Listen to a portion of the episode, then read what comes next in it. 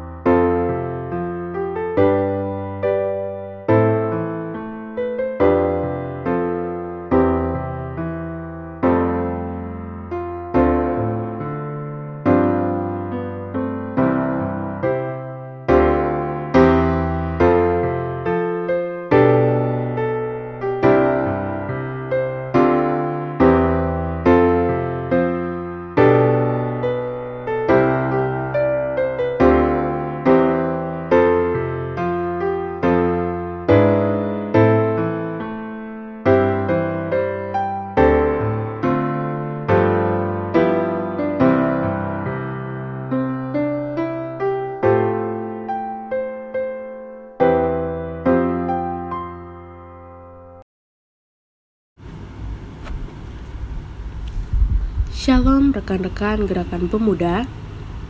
Mari kembali kita menyisihkan waktu kita sejenak Untuk bersaat teduh dan mendengarkan isi firman Tuhan. Maka dari itu mari kita satukan hati kita berdoa. Ya Tuhan kami mengucap syukur atas berkat dan kasih karunia yang Tuhan curahkan bagi kami hari ini. Sejenak kami akan mendengarkan isi firman Tuhan melalui renungan Sabda Bina Pemuda di hari ini. Persiapkan hati kami dan telinga kami agar kami mau dengar-dengaran bahkan mengaplikasikan firman itu dalam kehidupan kami sehari-hari. Terima kasih Tuhan, ini doa dan syukur kami. Amin. Rekan-rekan pemuda, Renungan kita di hari ini, Rabu 17 November 2021, terambil pada kitab Keluaran 33 ayat yang keempat, yang berkata, Ketika bangsa itu mendengar ancaman yang mengerikan ini, berkabunglah mereka dan seorang pun tidak ada yang memakai perhiasannya.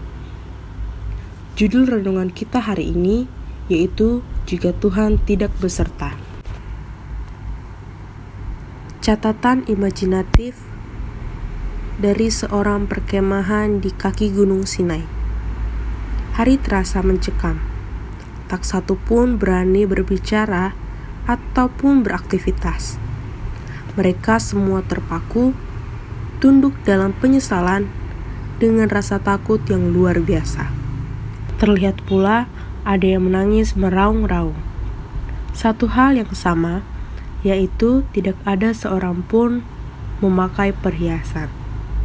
Wah, tindakan ini di luar kebiasaan. Apa yang terjadi? Ternyata mereka mendengar berita yang sangat mengerikan. Bukan, bukan berita, tetapi sebuah ancaman. Siapa yang mengancam? Tidak kepalang tanggung. Ia adalah Tuhan Allah, Sang Pemberi hidup dan penyelamat.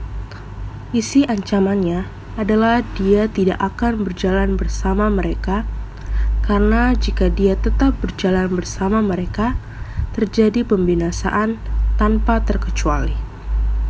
Pantas, tidaklah mengherankan jika suasana sangat mencekam dan aura ketakutan terasa di seluruh perkemahan.